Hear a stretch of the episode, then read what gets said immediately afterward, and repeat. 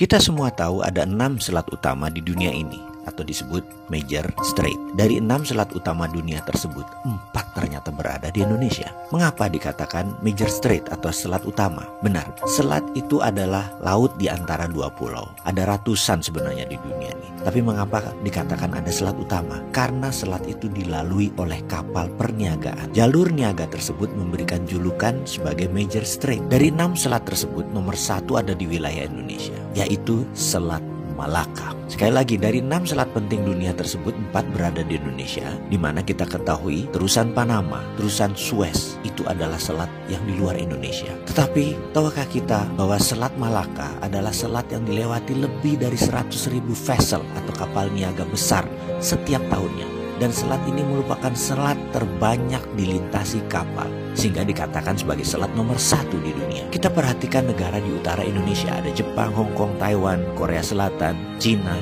di mana semuanya adalah negara produsen besar di dunia.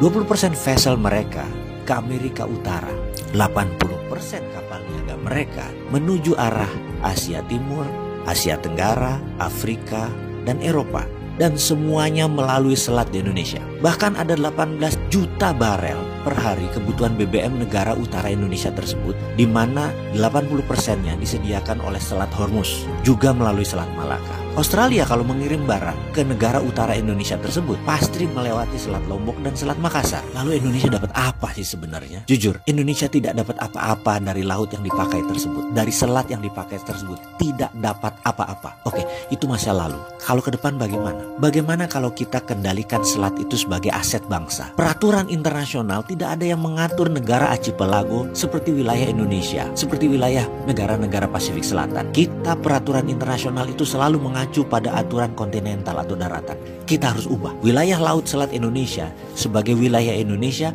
dan Indonesia memutuskan misalnya menutup laut tersebut. Apa yang terjadi? Dunia bisa geger. Australia lewat Papua Nugini kalau mau kirim barang ke utara. Empat negara utara Indonesia Cina, Jepang, Korea, Taiwan muter lewat Papua Nugini. Tidak usah pakai Selat Malaka. Gak bisa masuk lewat Natuna. Atau kalau mau ya melipir lewat sisi Thailand dan melipir lewat sisi Malaysia di Selat Malakanya. Pokoknya kalau mau melewati wilayah Indonesia bayar asuransi senilai satu persen dari nilai barang. Kita tahu barang yang lewat tersebut ada lebih dari 2 triliun dolar atau 2000 billion. Jadi kalau itu kita asuransikan atau kita pajakin versi kita dengan nama asuransi, kita mendapatkan lebih dari 250 triliun per tahun tahun dan ini untuk devisa negara. Akankah negara adik kuasa seperti Cina dan Amerika marah besar? Pasti. Beranikah kita melawan dan mempertahankan hak kita? Harus berani. Itu namanya revolusi.